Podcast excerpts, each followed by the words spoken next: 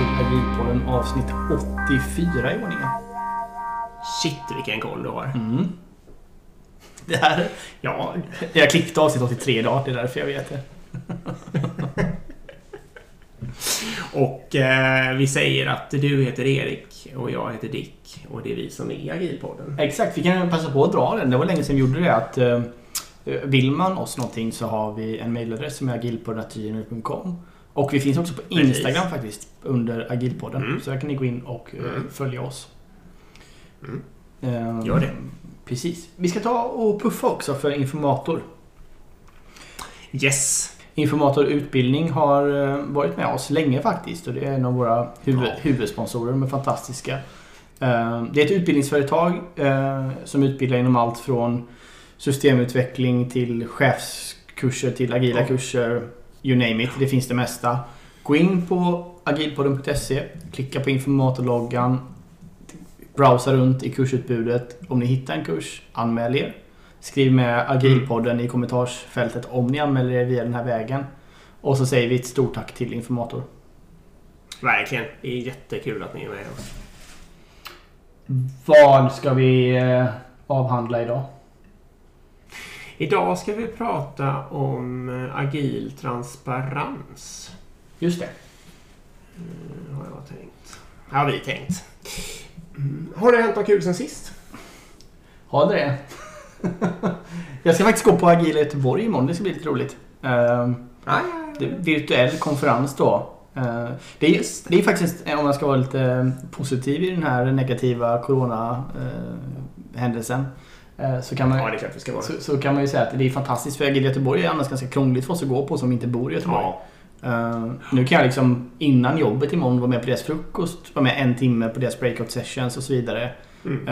Eh, och sen bara börja jobba helt Mm.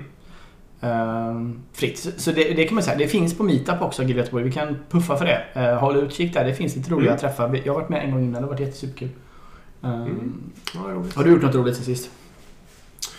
Jag, eh, ah, jag ska berätta två roliga saker tror jag. Jag har... Eh, lite om man vill förstå hur jag är så i morse så det krånglade med leverans då. Eh, och så frågade jag efter om det fanns någon daily eller om man kunde gå och lyssna in bara liksom vad som händer så här. Och så kröp det fram att det fanns ett möte. Och så, så ja vad bra, fick jag en kallelse och så var jag på väg in i det mötet digitalt och så kollade jag vad det var. Eh, då var det ju bara chefer som var med på det där mötet. Och då vände jag den digitala dörren De skulle... så, så tänkte jag det här, här tänker jag inte lyssna på. Så ringde jag upp en utvecklare istället. och så fick jag världens bästa beskrivning och förklaring över vad det var. Alltså, liksom, vad är det som händer? Och jag fick massa förståelse. Då slapp... Det kändes som ett så, sl- då, så himla rätt val. Ja, det förstår jag. Då slapp du en timmes metadiskussion om vad det eventuellt var. Liksom. Exakt. Ja.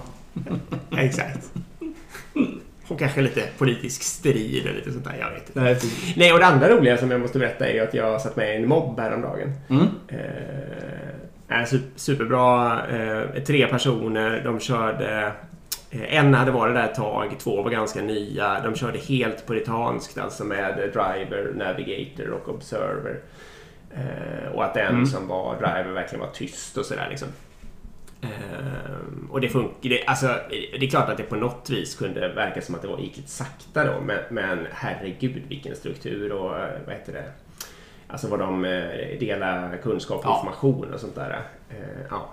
Eh, ja, jag fick ju vara driver en stund också och skrev lite koder. Ja, kul. Det var kul. Eh, Det är ju verkligen så. Är man med i en mobb en gång bara egentligen så förstår man ju styrkan av det. För den kunskapsdelningen som pågår där är helt bisarr. Ehm, Och just det här att man inte behöver, man, behöver, man kan ta bort mycket av de här artefakterna som eh, daglig standup, Ja. planering, överföring av information, kunskapsspridning. Allt det där finns inbyggt i det. Det, det, är, det är vackert. Ja, men då, nu, nu, nu får du kasta dig in på agil transparens här. Ska vi ta avstamp? Ja, vi har, vi, egentligen Mm. så, så... Det här är ett ämne vi har touchat på några gånger ut med åren. Ja. Men vi har nog bara sagt det i förbifarten. Idag tänkte vi djupa lite dy, dy, djupa. Vi tänkte dyka lite djupare. Bara lite dykare. Exakt. ja, det får be om ursäkt. Bra. Men jag har druckit tre öl innan det här. Det är därför jag är lite slabb. Nej, inte jag. Nej, det har jag inte. Jag är bara trött. Jag önskar att så var läget. Men så är det. Ehm, precis. Nej, men, eh, och sen har vi faktiskt fått eh, en, eh, en lyssnarfråga kring agilt transparent. Där, Just där, vi det, egentligen, just där vi blir bädda att gå djupare liksom, på vad finns det för för och Mm. nackdelar. Ehm, kan man vara för transparent? Uh, ta det bort andra saker och så vidare. och Så vidare.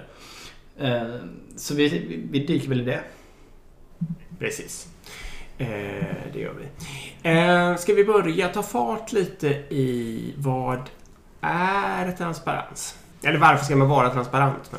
Ja, precis. Varför ska man vara transparent? Det är väl egentligen en, så som jag ser det och som jag antar att du ser det också, till stor del en kulturfråga. Mm. Det, in, I grunden handlar det om liksom, vågar man dela information med sina medarbetare eller inte? Mm. Och om man tänker på hur många organisationer faktiskt är idag så är det ju otroligt otransparent. Jag Mm. kan tänka mig om ni lyssnar på detta och sitter som medarbetare någonstans ute i organisation så har ni antagligen ingen aning om vad din ledningsgrupp, alltså din, din chefs ledningsgrupp arbetar med, vilka agendapunkter de har. Och ännu mindre vet du antagligen om ledningsgruppen ovanför den eller ledningsgruppen ovan, ovanför och, och så vidare. Eh, ofta är det ju hemligt liksom eller icke, Mm. icke synbart. Samma sak ofta många gånger med, Mm. med ekonomi, med hur går företaget, vilka fokusområden Ja. har Mycket av det där är också Ja. hemligt av många anledningar, eller konstigt nog. Nej, för jag ser, man, man kan se det på lite olika sätt. Eh, och du är ju lite in, Det är en kulturfråga. Absolut är det en kulturfråga. Eh, det är ju delvis är det någon slags moralisk fråga. Att det lite är vilken slags... Alltså på ungefär samma anledningar så att man kanske vill ha demokrati. Även om andra lösningar också kan fungera i olika sammanhang och sådär. Men att det kanske är den sortens organisation eller kultur eller samhälle man vill verka i. Liksom. Mm. Ehm, och det, ja, jag bara att lägga till till det du just sa. Mm. Det, det andra är ju liksom på något sätt att människor... Eh, alltså det finns ju en nytta i det hela också. Att människor behöver ju ha tillgång till massa information för att kunna göra ett bra arbete. Och det finns liksom ingen rimlig... Eh, eller många tror ju då att de ska kunna eh, informera så att människor får reda på precis det de behöver. Och inget mer. Och inget mer och inget mindre liksom. Men i praktiken så visar ju sig det där ganska det är totalt oförutsägbart. Det går ju absolut inte att bestämma åt någon annan vad det är de behöver veta. Man vet ju antagligen inte ens vad de gör och man vet framförallt inte vad de skulle kunna göra för något skitsmart om de hade vetat mer och så vidare. Och så vidare. Så Exakt. det är liksom... Det är samma sak med innovation också. För innovation är ju många gånger att man tar eh, två befintliga delar och lägger ihop till någon ny del. Liksom. Om det nu är en produkt Ja. eller ett sätt att arbeta eller någonting. Liksom. Och många gånger så kommer ju sån information av att man eh, innovation av just att man får information. Man kan se liksom att oj, jag kan se hur det här systemet fungerar, jag kan se hur det här systemet fungerar. Om vi lägger ihop de två plus den här nya komponenten, då har vi en helt ny produkt här, eller en helt ny lösning. Ja. Liksom. Ehm, och det där kan ju ingen människa i världen som du säger på förhand gissa exakt när Nej. den här informationen behövs för att det ska uppstå. Man kan inte planera innovation. Liksom. Man kan inte planera vilken idé någon människa ska få, få fatt i. Enkelt. Nej. Eh, Och sen bidrar det ju också då som kanske någon slags tredje faktor, förutom den mera moraliska och, eh, och den rent praktiska, så bidrar det ju också till att det är lättare att känna helhet och mening och Mm. tillit och massa sådana där saker. Det var säkert det du menade när du sa kultur också. Ja men det är bra att du säger det för, för det, jag tycker det handlar mycket om liksom om en, hur mycket tillhör man som individ Ja. för företaget. Hur committad är man till företaget liksom. Eh, och det är klart, har man ingen aning om egentligen mer än det lilla, lilla området man själv arbetar med som är bara ett kugghjul i en helhet. Eh, om man inte vet mer än det lilla området då är man antagligen inte så committad heller till helheten utan försvinner den lilla delen då, då tittar du efter ett nytt jobb liksom någon annanstans. Um, så... Nej, alltså som du säger, att om man vet hur det går för företaget eller organisationen också. Om alla vet det på ett ganska tillförlitligt sätt, då tenderar man ju att bli mycket mer lojal och, och liksom tänka mycket mer på resultat och sådana där saker om man inte har en aning. Eller hur? Precis. Och, och det tar ju också då i sin tur bort... För, för grejen är, om vi kommer in lite på vad är alternativet då? Till att inte ha transparens. Det är ju liksom att... Ja, vad är det egentligen? Det, det är ju att skapa egentligen en stor jävla kontrollfunktion på hur information ska flöda och inte flöda liksom. Ehm, och det är ju också, man ska tänka på det, för det, det är inte så att transparens eh, kommer helt gratis utan jobb. Men det är inte heller så att icke-transparens kommer gratis utan jobb. Utan det är ju en stor apparat Nej. att hålla ordning på eh, all den här hur ska informationen flöda? Vilken information får vem? Vem och när får vem Mm. vilken information? Mm. Eh, hur håller vi alla de här grejerna hemligt? Och liksom, ja, hålla uppe hela den apparaten. Liksom. Det är ganska mycket jobb med det. Mm. Och ofta inte så värdeskapande heller.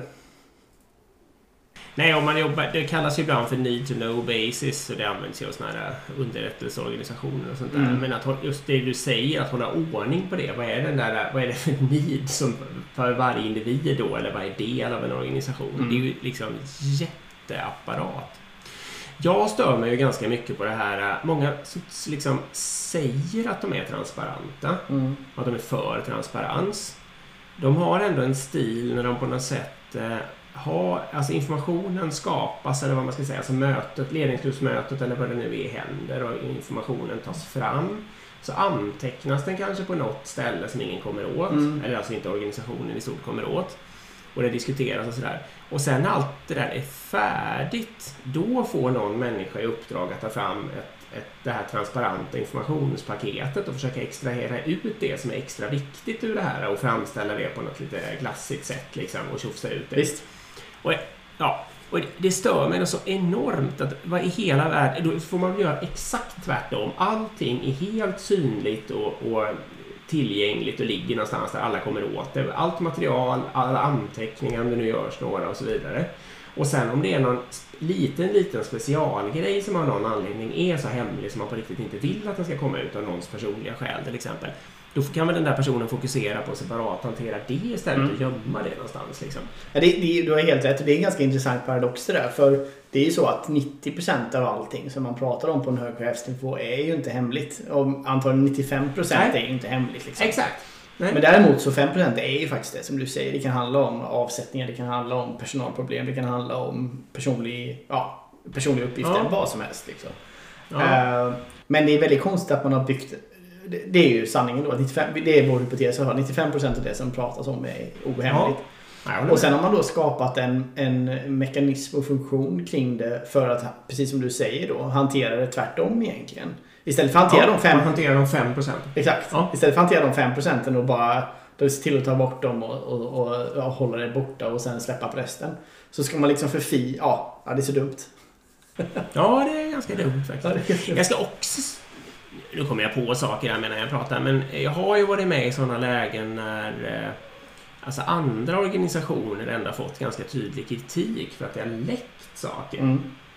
Eh, medan jag själv då, som just kanske kör den här 95%-stilen, jag tror aldrig jag har fått kritik för att jag läckt saker faktiskt. Nej, såklart. Nej, det var ett hårt, hårt säga, men inte på många år i alla fall.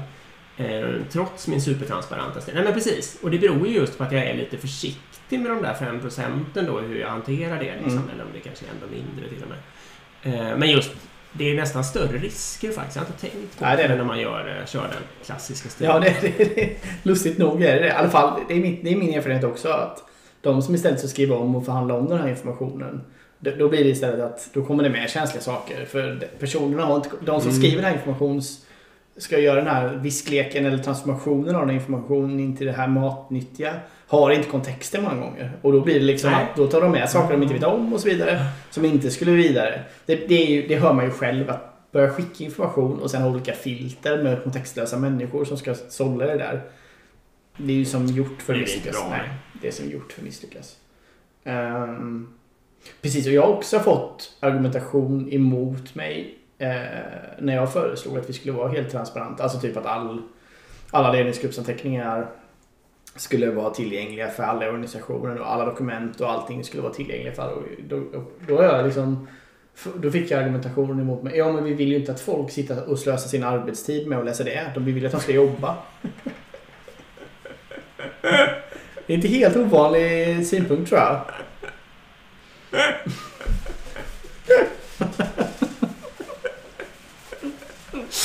Om det är det största problemet man har. Eller liksom om det är det största symptomet på problem man kan se. Då kan jag tala om att då har man inte anställt några vidare smarta människor i den organisationen från början. Nej, det är ju sant. Då kanske man ska se över vad det är för människor som sitter där. Eh, Eller möjligtvis hur pass motiverade de är eller hur tydlig man har varit med vad de borde göra. Eller, Jag kan komma på många, många andra sätt att hantera den frågan Mm. än att eh, än att öka hemlighetsgrad. Nej, visst, nej, nej, det är jättemärkligt. Men, men jag tror det, tyvärr, så tror jag det är ett ganska vanligt synsätt i många traditionella organisationer. Alltså, varför ska de sitta och läsa allt det här? Det stämmer säkert. Eh, stämmer säkert. Men det är återigen då tillbaka till lite den här kulturfrågan att det är ju ändå Alltså jag som medarbetare vill bli litad på och jag vill ha ett stort ansvar. Och jag vill ha mycket information. Ett för att även om inte Teoretiskt kan det ju innebära att jag tar bättre beslut långsiktigt och att jag tar bättre beslut kortsiktigt och att jag blir bättre människa och bättre medarbetare. Absolut, men om inte annat så bara ett rent moraliskt perspektiv. Att jag vet att organisationen och företaget jag jobbar för litar på mig lika väl som jag är hängiven till dem Ja. liksom, på något sätt. Eller hur? Verkligen. Nej, det är lite tillbaka till där vi började. Mm. Eh, verkligen. Vad tycker du om det här då? Många organisationer har ju någon slags hierarki. Eh, Och då finns det ofta en föreställning om att man ska... Jag vet inte ens var det kommer ifrån riktigt, men att man ska filtrera information och sånt där genom hierarkin på något sätt. Mm. Så att varje människa berättar för dem som rapporterar till den. Liksom. Mm. Tycker du det? Nej. Det är fler... Vad är det för uppenbart dåligt med det? Ett är ju problemet är ju såklart synken i organisationen. Alltså för jag menar det, det kommer... Ett, det kommer ske på olika sätt för folk kommer filtrera olika saker. Och det, ja, Det- det- olika snabbt. Mm, exakt. Det ena är att det kommer liksom contentmässigt bli olika budskap. Ja, Nummer, viskleken. precis, nummer två är också att det kommer komma i osynk så en avdelning kommer veta mycket tidigare än en annan och så vidare beroende på hur Ja. snabba chefer de har och sådär på att sprida information. Ja. Ehm, och sen blir det också ett väldigt, väldigt konstigt sätt att arbeta på. För det blir ju väldigt, väldigt individanpassat. Att vad får jag veta och när får jag veta det och sådär. ja. Och plus att det är mycket jobb också. Det hade varit mycket lättare att bara Ja. släppa det fritt och låta alla ehm, låta alla vara med bara eller låta alla höra in från början. Och där kan man ju också komma in på just med eh, om man nu, om man, precis, om vi, om vi nu, nu sitter vi och lyssnar på den här podden och vi sitter på andra sidan. Och så tänker vi hur ska vi kunna ta med oss det här på något sätt då in i arbetet. Och ett bra sätt att börja kan jag tycka det är just att öppna upp ledningsgruppen. Ehm, Mm. Att man har ledningsgruppen Mm. helt transparent. Så du bjuder in, numera är det ju Zoom-möten eller Hangouts-möten eller vad man nu använder, Mm. Teams. Eh, bjud in hela din organisation och sätt dem som att ringa in och lyssna. Um, och sen så är det, har ni hemliga ämnen, hemliga ämnen ni måste uh, prata om eller agera på. Lägg det då i slutet på mötet och, uh, och, uh, och ta det separat helt enkelt. Mm ja, absolut en metod. Mm. Jag har faktiskt inte, så långt har inte jag kommit. Däremot har jag ju sagt att folk får eh, be att få vara med. Och så har jag haft, eh, alltså det var ju inte, det var ju inte nu under covid, men före. Eh, och så har jag haft enstaka gäster som har suttit med och lyssnat. Mm. Det är också ett sätt att göra det på. Det är en, ja, det är en light-variant på samma tema Mm. kan man säga. Ja, men det är bra. Precis. Vi fick också i, ehm, i det här eh, lyssnarfrågan så fick vi också när övergår risken kostnaden och vinsterna med transparens. Liksom. Han var lite inne på att, eller hon, hen var inne på att ehm, Han, vi kan, ska vi inte säga vad han heter? Ja. Jag tror inte han vill ha cred för att han har ställt den här Jo, jag vet, jag, jag, vet inte, jag visste inte ens att det var en man. Så. Ja, det, det är, tror jag, det är i alla fall ett klassiskt manligt namn. Det är Andreas Hedlund. Tack så jättemycket för att du har skickat in den. Mm. Jo, precis. Eh, han skriver då att ehm, för lite transparens riskerar ju såklart stagnation och i värsta fall korruption, att folk blir omotiverade och hela den här biten. Men eh, för mycket transparens skulle också kunna göra så att folk eller människor inte vågar göra lika djärva val eller man vågar inte satsa lika Mm. mycket och, och så vidare. Vad, vad, vad tycker du om det? Vad tror du på det? Jag tänkte... eh, Alltså, han, eh, du har ju en poäng här, alltså här, att det skulle kunna gå så. Men jag har absolut inte tänkt att det någonsin är i närheten av att göra det i min egen organisation. Så jag börjar fundera på vad är det då? För det är något annat där som är skillnaden. Och det är ju mer än någon psychological safety-historia. Hur behandlar man överhuvudtaget misslyckanden? Och hur liksom, när alla får reda på att någon har gjort något dåligt, hur reagerar de reflexmässigt då? För att om man har en osund eller liksom lite så inte så bra eh, eh, psychological safety-kultur. Då är det klart att om man ökar transparensen på den, då blir ju folk istället offentligt uthängda och må många andra känner att de liksom kan sparka på den som kanske redan ligger och så vidare. Mm. Och då kanske katastrofen blir större på, i någon bemärkelse då. Men om man liksom har lyckats få en trygghetskultur där man accepterar att människor gör fel och hanterar det på ett bra sätt. Då förlorar man ju absolut ingenting på att det dessutom är helt transparent. Det blir precis tvärtom. Att då kan ju den som har... Alltså när någonting har gått riktigt dåligt så får alla reda på det och lär sig någonting av det. Liksom. Mm. Nej men precis, jag håller med. Um, Så tänker jag. mm. Jag tror inte heller att det är... Jag tror så att säga riskerna eller nackdelarna är mycket mindre med att vara transparent än att inte vara det så att säga. Um, men, men det är klart absolut, jag tror framförallt om man, gör om man gör en transformation och går mot en mer transparent organisation så tror jag man måste vara ganska försiktig och inte göra det på en gång bara. För som du säger, om helt plötsligt strategier börjar komma ut där det står att den här produkten ska inte finnas längre eller den här produkten ska göras om eller den där. Mm. vet, om inte det finns då en, som du säger, en tillit eller en trygghet i organisationen så kommer det helt ut det kan skapa massor med spekulation och kaos och kris och sånt där liksom. Ehm, Eller vi ska, det ska varslas eller du vet, vad, vad det nu är liksom. Mm. Eh, Så jag håller med om att man får, det är ju, i och med att det är kopplat till en kulturfråga så kan man inte hantera transparens avskilt liksom. Jag tror man måste ta det i, i, i hela kulturkontexten liksom. Mm, precis. Man måste vänja folk i någon bemärkelse vid det också. Man kan, man kan så att säga inte ha en ganska otransparent kultur i grunden och så plötsligt bara slänga in för då blir det som ett köttben som alla hugger på och så kommer de börja sprida det och prata skit om det och så vidare. Och så vidare. Man måste ju liksom öka dosen. Alltså det tar inte lång tid. Men, men man får kanske göra det på ett lite medvetet och tydligt sätt. Exakt. Eh, och förklara för alla att det kommer hända och sådär. Liksom, Mm. Att det här är this is the new normal och Mm. nu, ni kommer alltid få veta så här mycket så ni behöver liksom inte eh, tycka att det är något speciellt med det. Nej, och sen tror jag, jag tror också... Jag, jag tror att det, de facto så tror jag inte det blir super, super stor skillnad. För jag tror inte att många medarbetare sitter och pumpar i sig all den här informationen som kommer från ledningsgrupper Nej. hit, hit. Alltså, Nej. Utan men det, är mer, det, är, det är mer en principfråga, en kultur och principfråga. Att vill ni ha informationen så finns den. Och om man på riktigt eftersöker informationen så ska man kunna hitta den. Liksom. Det är mer så. Ja. Ehm, Mm. Vad, ja, en, så, en annan relaterad fråga här är ju hur, vad är det man inte ska vara transparent kring då? Mm. Eh, har du några funderingar på det? Det är ju jättesvårt för det beror ju så mycket på liksom. Eh, Ja. Ja, ja direkt, jag vet direkt en, eller en kategori av saker som jag på riktigt tycker att man inte ska vara transparent Mm. Och det är ju när det rör alltså individer på ett lite personligt sätt. mm. Typexempel så här att man, man, någon vill ha ett nytt jobb. Eh, och vill liksom i en begränsad skara kunna eh, ventilera den frågan och få hjälp med att hitta det här nya jobbet. Men det kanske man inte vill tjofsa ut till alla tusen eller vad det nu är människorna på en gång. Så att Nej. alla går runt och vet Just. att Lisa letar jobb liksom. Nej. Eh, Den kategorin på något sätt tycker jag inte man behöver vara transparent kring. Eh, Men att man ändå behöver sprida det bland några människor. Liksom. Precis, de flesta HR-frågor blir ju i någon mån eh, eh, blir mest troligen inte fullt transparenta liksom. Eh, Nej, kanske. så är det nog. Men precis, men sen beror det på, jag menar, eh, det beror på återigen kontext och företag och kultur och allting. Men jag skulle vilja säga att jag, jag personligen är ju för transparenta löner till exempel. Eh, Mm. Jo, du, du är ju verkligen det. Mm, jag är verkligen det. För jag, jag tror på... eh, det är klart, det, det, men för det största motargumentet ofta är ju liksom det här med...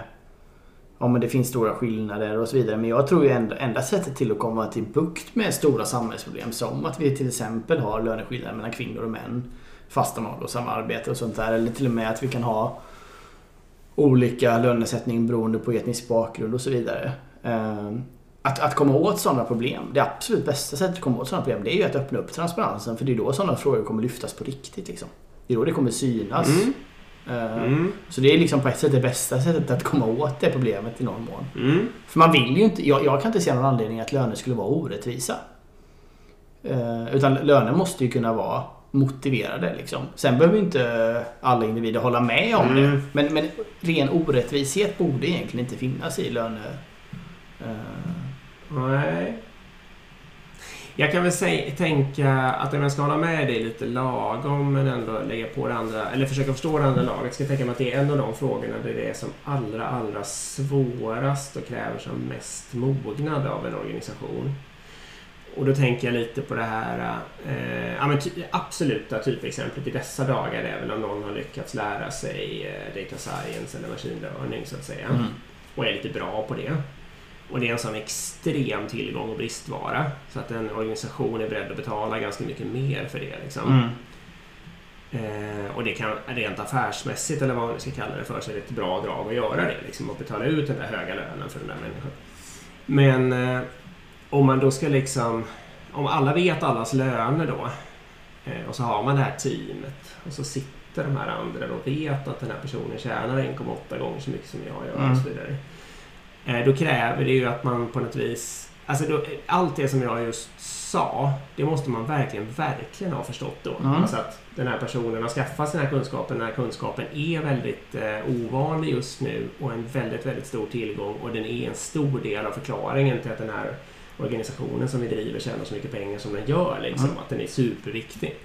Man måste liksom hela vägen dit. Eh, och det, ja, Nej, det kan ändå skapa kanske en liten utmanande känsla mellan dem då. Sen, ja, ja men, absolut. Och jag säger inte att det är helt enkelt och problemfritt att göra det här. Men jag tror fortfarande att det är rätt väg att gå. Eh, att man måste... Jo, ja, ja, det, du kan ha rätt. Och för, för grejen är ju också att liksom, eh, om man ska kolla på hur det faktiskt ser ut. Det är ju inte så att medarbetare idag sitter tysta om sin lön. Liksom. De allra flesta vet ju vad sina kollegor tjänar, mer eller mindre. Ja, kanske. Man har ganska bra hum eller man har till och med frågat eller man har diskuterat det. Ja. Och speciellt kanske om man har någon som är i samma situation som sig själv. Alltså ungefär samma bakgrund och utbildning och sånt. Liksom. Så kanske man blir kollegor ett tag så kollar man liksom. Ja men du jag fick bara 3% vad fick du i löneökningen och vad ligger du på för lön? Du vet sådär. Det, ofta smyger det ju fram den. I alla fall är det min erfarenhet av de arbetsplatser jag har varit på. Att man har ganska bra koll på det. Och då, då blir det liksom att då blir det ju snarare någon så här hemlighetsmakeri om vem som tjänar vem. Och så går det rykten om att. Kalle där borta, han tjänar så jävla mycket mer. Och varför, han är ju dålig, varför tjänar han så bra? Och du vet. Eh, vad- Nej, men, men eh, återigen, jag tror inte man kan införa det här i alla företag rakt av. Liksom, det är ju en kulturfråga där man Ja. riktigt behöver förstå att marknaden ser annorlunda ut i andra länder. Vissa kompetenser är väldigt, väldigt bra betalt idag medan andra inte Ja. är och så vidare. Ehm, sen tänker jag att det borde också vara en jättemot... Alltså för jag tänker om man sitter på det problemet som du gör här. Att, eller som du hade hypotetiskt att du vill verkligen ha machine learning och data science folk liksom till din Mm. Eh, Och du får betala 150 000 i månaden för dem medan en vanlig utvecklare kunde betala 50 000 i månaden. Liksom. Mm. Då, I den situationen så hade man kunnat vända på det också och då börja intern, alltså, sätta upp starka internutbildningar på ML och data science. Mm. Och sen säga det till folk som tycker att det är orättvist att bara, jo men det, du får jättegärna vidareutbilda dig i, i det här området. Vi behöver folk liksom. Och då finns det också möjlighet att göra en annan lönekarriär just nu än vad det gör inom ditt område och så vidare. Eh, Så man kan ju vända det som en motiverande faktor också. Men jag håller också med dig om att det är klart det kan... Det, eh, lön borde vara rättvis och så. Men samtidigt så är det ju så att eh, per definition så är det ju på något sätt rättvist tycker jag. Men det är också så att det finns konjunkturer och sånt som styr som gör att Mm. jag blev anställd i en högkonjunktur liksom då eh, det fanns 40 pers att välja på. Det fanns ingen anledning för företaget att betala mig en hög lön. Medan två år senare så anställs min kollega och då var det super eh, lågkonjunktur. Nu blir det tvärtom. Mm. Men du förstår vad jag menar. Det finns ju sådana Mm, yttre faktorer som teoretiskt inte är rättvisa men rent lo- logiskt är de ju rättvisa. Mm. Nej, men lön, en del lönestrukturer kan väl eh, ha traditioner också som gör att de har blivit som de har blivit på något sätt. Men absolut, det är ju någon form av fri arbetsmarknad. Så att om folk på riktigt ville så skulle de ju kunna utjämna det där genom att söka sig till de högavlönade jobben. Då borde de lönerna sjunka i de jobben liksom när det blir... Ja, när arbetslösheten går upp. Eller hur? Jo, absolut. Eh, Men det är, inte, det är inte så lättrörligt om man säger så. Liksom. Det är ofta sådana här skillnader faktiskt kan upprätthållas under en del tid. Mm. Eh, Ja, precis. Ska vi ta lite på läckage kanske då? Ja, jag ska bara... En, en, en, en sista poäng Ja. med det där. Ja, kör, kör. För återigen, så om man skulle köra helt transparent på många företag så skulle ju IT antagligen sticka ut just nu som ganska högavlönade relativt många andra sidor i en verksamhet. I och med att ja, man ser ju nu bara senast Handelsbanken säger ju upp tusen personer och stänger massa kontor. Samtidigt lägger de en miljard på att utveckla sin IT-avdelning utöver sin normala Mm. Alltså, så man ser ju den transformationen sker ju liksom. Och det gör ju också att såklart folk Mm. inom IT just nu tjänar mer pengar än andra, många andra verksamheter. Men återigen, det borde man ju på ganska stor, många stora företag, till exempel Handelsbanken då. Borde man kunna nyttja som återigen att ombilda sin personal mot IT. Och det borde Mm. också vara en väldigt stor motivator för dem att oj vilka löner det är där. Det verkar väldigt spännande, Mm. det har jag velat jobba med och så vidare och så vidare. Ja, okej. Helt sant. Läckage. Ja, precis. Vad ska man göra? Man, får, man kan ju få ett läckage då. Om man har liksom saftat i med den här transparensen Mm. så att den hör kanske även själva affären och sådana där saker. Mm. Eh, som har gått ganska långt. Då skulle man ju kunna få ett externt läckage. Liksom att, eh, Mm. att eh, man ändå har någon som är illojal och, och berättar för pressen eller för konkurrenter eller något sånt där. Precis. Det där, Har, du, har du funderat över det? Liksom, hur, hur ska man tänka? Jag har, bara, jag har aldrig varit med om det praktiskt, men teoretiskt eh, kan man ju tänka på det. Och, ehm, jag tänker lite att... e- e- Ett så måste man ju som arbetsgivare fundera på varför krävs det att personen går till extern part och läcker det här. För många gånger är det ju mot, Mm. motreaktion på att man är lack internt. Liksom. Ja. Och varför Mm. finns inte då de forumen internt för att spilla det missnöjet? Varför måste man gå externt? Det, det, det, kan, det behöver inte vara en anledning men det skulle kunna vara så. Att det, liksom, det finns Mm. inte möjlighet för mig som individ att nå ut med det här. Ehm, dåliga som händer eller vad det nu är. Liksom. Så då blir mitt, min motaktion blir det. Liksom. Ehm, men annars så tror jag att det är extremt ovanligt med att det läcker så pass farlig information så att det har någon faktisk påverkan på någonting. Nej, det, egentligen är det ju en, eh, vad ska man säga, på något vis får man ju hela tiden försöka att väga den risken eller de skadorna mot den nyttan som man tycker att man kan uppnå. Mm. så att säga. Och våran teori är väl ändå lite på något sätt att nyttan är skyhög. Verkligen. Men det är klart att sitter man med någon affärs... Alltså är det receptet på Coca-Cola eller något sånt där så kanske man inte berättar det för alla anställda, inte vet jag. Men, men eh, de flesta affärshemligheter är ju ändå inte så... De är ofta ganska kortsiktiga Ja. och inte så, inte så himla betydelsefulla i alla fall. Liksom. Nej, exakt. Och det är också, jag menar... Eh, de, de, de bra företagen i världen, de, de överlever ju inte på att de håller på att titta på vad sina konkurrenter gör och försöker slå dem. Utan de överlever ju på grund av att de har en vision som de jagar. Liksom. Och sen gör konkurrenterna eh, vad de gör är lite oviktigt i någon mån. Liksom. Ehm, Ja, kan till och med vara hämmande. Ja, faktiskt. Ehm, Så, så... Och många gånger, det är klart att det finns som du säger, de här absolut Coca-Cola-receptet kanske är ett ganska bra exempel på det. Ja, Eh, jag tyckte jag fick till det där. Sen har de väl sönderpatenterat just det då och så. så det, men, men, men visst, ehm, jag håller med om att men många gånger är det ju inte så verksamhet. Jag menar om Ericsson skulle läcka ut med deras 2025-strategi. Det är ju inte så att det finns många andra företag som har den organisationen och de hårdvaruprodukterna och mjukvaruprodukterna så att, så att man bara, ja men bra då snor vi hela den idén och gör det istället för Ericsson. Liksom. Det, så funkar det ju sällan. Eh, man kan ju till och med säga att de här företagen som på riktigt har något sånt där smart, eh, alltså Tesla och Toyota och sådana där företag, Google kanske, de är ofta ganska transparenta med vad de håller på med. Och det är absolut ingen som lyckas kopiera lösningen på det i alla fall. För det bygger på massa, att man har alla de där människorna, att man har fostrat dem i den där kulturen och så vidare. Och så vidare. Så jag menar, man kan ju glatt säga, alltså Tesla kan säga att vi ska göra en ellastbil liksom, eller Toyota kan bjuda på TPS och till och med gratis utbilda andra organisationer i det. Och inte sjutton lyckas de få TPS för det liksom. Och det är svårt för någon annan att få fram en ellastbil eller liksom bara för att man vet att Tesla tänkte ungefär så här och så här och kommer komma då och då. Nej, Eh, Eh, så, så, Ja. så är det ändå. Eh, jag tror... Eh, jag, jag, jag tror man får, man får ju såklart... Men det är också en kulturfråga återigen. Man, man, lyckas man bygga rätt kultur, tror jag, så tror jag också man får... Jag tror det är ett väldigt, väldigt litet problem med läckage av, av hemlig information. Så jag tror inte det är någonting man behöver vara super, super rädd för. Eh, Och är man det så Mm. kanske man får... Har man he- super, superhemlig information som verkligen är farlig, då kanske man ska vänta med att vara transparent med just den då. Men vara transparent med allt annat liksom. Mm. Ja men precis, precis. Nej men det är okej att ha sina 5% eller vad det nu Ja. är. Det kanske är mindre. Men... Helt enkelt. Ehm, Mm. Ska vi dra några metoder då? Vi kanske, om jag berörde. Öppna ledningsgrupper har du berört. Mm. Öppna anteckningar eller arbetsytor är ju någon form av kusin till det. Mm. Eh, Det kör jag mycket med. Att den arbetsytan som ledningsgruppen jobbar i, det är en Teams-kanal i mitt fall då, till exempel. Mm. Den kommer ju alla medarbetare åt och kan titta på och läsa i och sådär. Ja, de kan till och med ändra för den delen. Eh, Men det är ju ingen som jobbar det förstås. Alltså, det är ingen som går in och sabbar ledningsgruppens arbete. Det är också en sån där... Nej, alltså, exakt. Ja, nu blir jag nästan upprörd där. Vi, vi kan inte ha det här. Man kan inte ha så att alla har skrivrättigheter här. För tänk om någon går in och ändrar någonting. Vem- ska gå in och busändra så här? Ja, Det är så dumt så jag. Jag, jag, jag skulle kunna göra, lägga till någon sån här typ bankad bäver som agendapunkt till något. Ja, exakt. Jo, jo. Ja, jo det. Men det skulle jag ju älska om någon. Det kan ju alla mina medarbetare Exakt. lyssna på. här. Prank, Kan ni tänka? pranka på bara. Eh, Exakt, pranka på mig.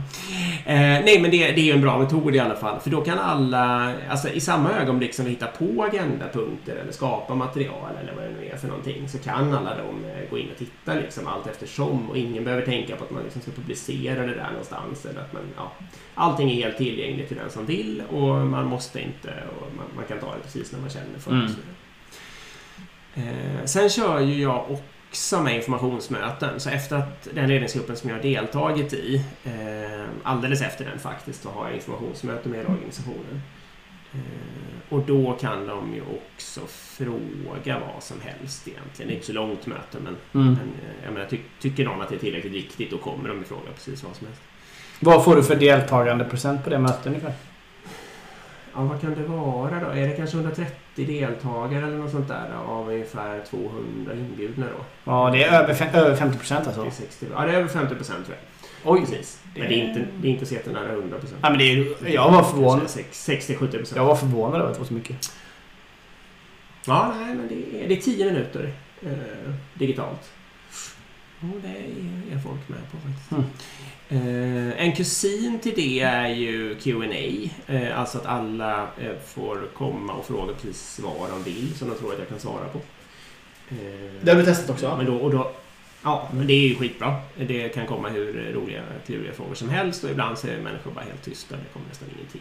Så, Men det, det skapar i alla fall en känsla av att om det är något... För det är ju lite det här återigen att jag vet inte vad folk vill veta. Liksom. Nej, precis.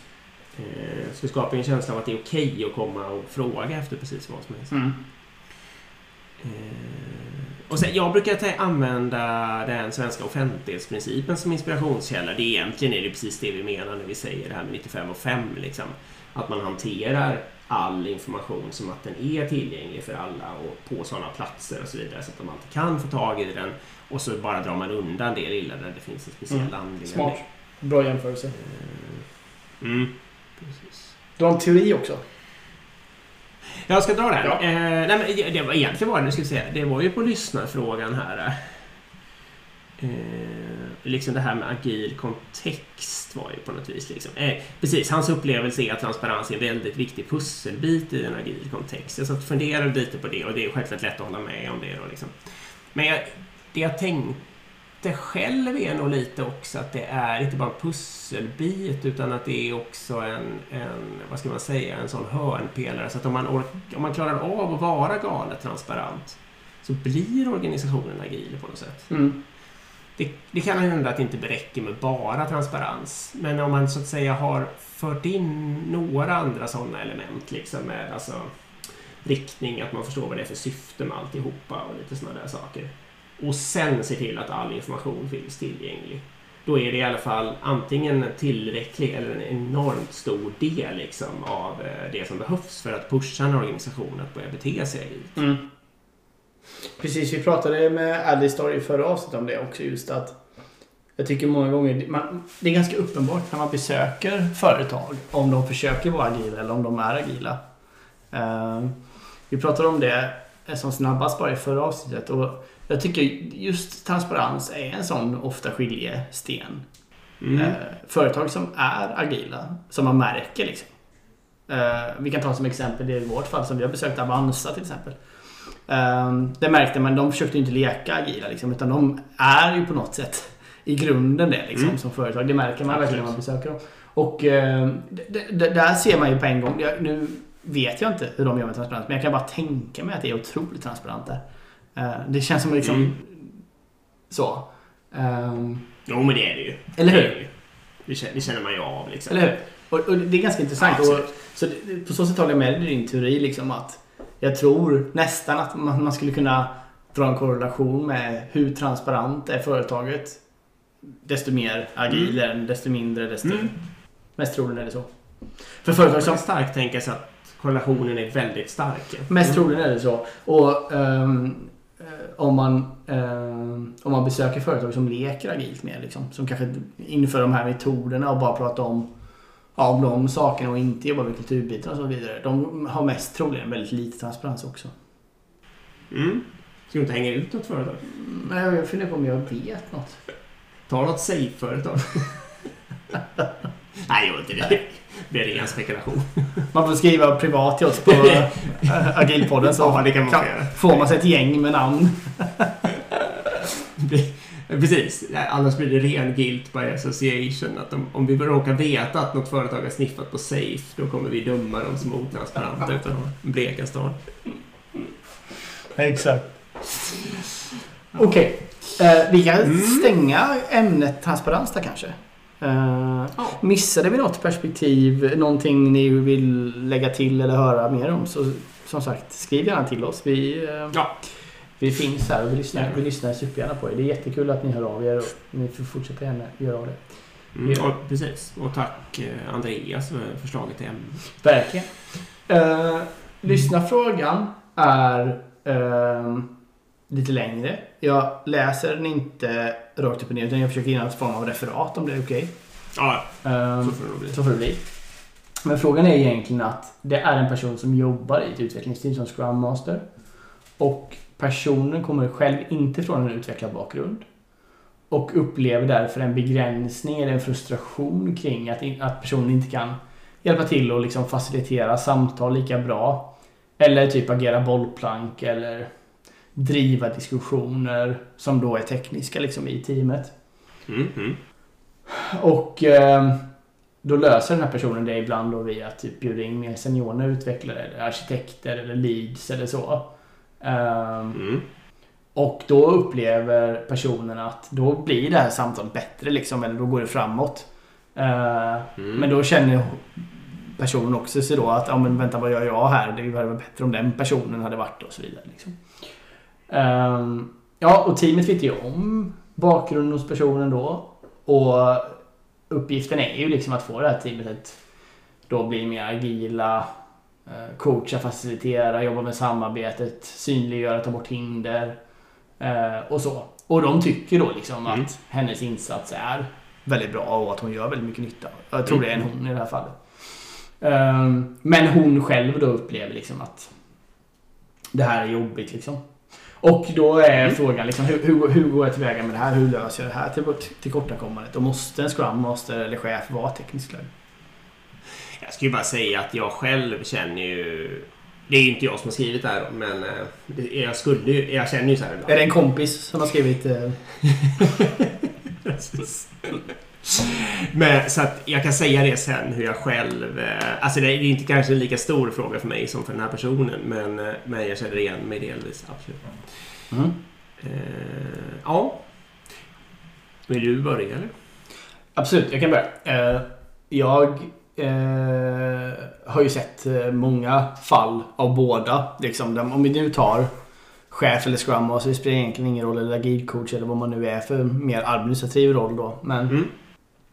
Eh, om vi tar scrum master, i och med att det var scrum master just i det här fallet då. Eh, så skulle jag säga egentligen att man, man får jag, jag, jag försöker tänka att man får dela upp det på två olika perspektiv. Liksom. Ett är ju någon form av kortsiktig insats. Liksom. Och, och, och sen så kan man tänka mer långsiktig insats.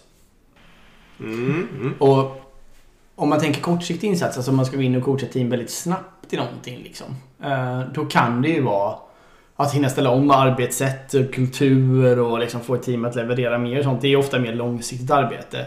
Men att gå in och ta liksom tre tekniska snabba beslut eller bestämma vilka tekniker vi ska jobba med eller arkitektur, viktiga arkitekturbeslut och sånt kan ju ha mer kortsiktiga, kortsiktiga snabba effekter. Uh, och jag tror det... Mm, kanske.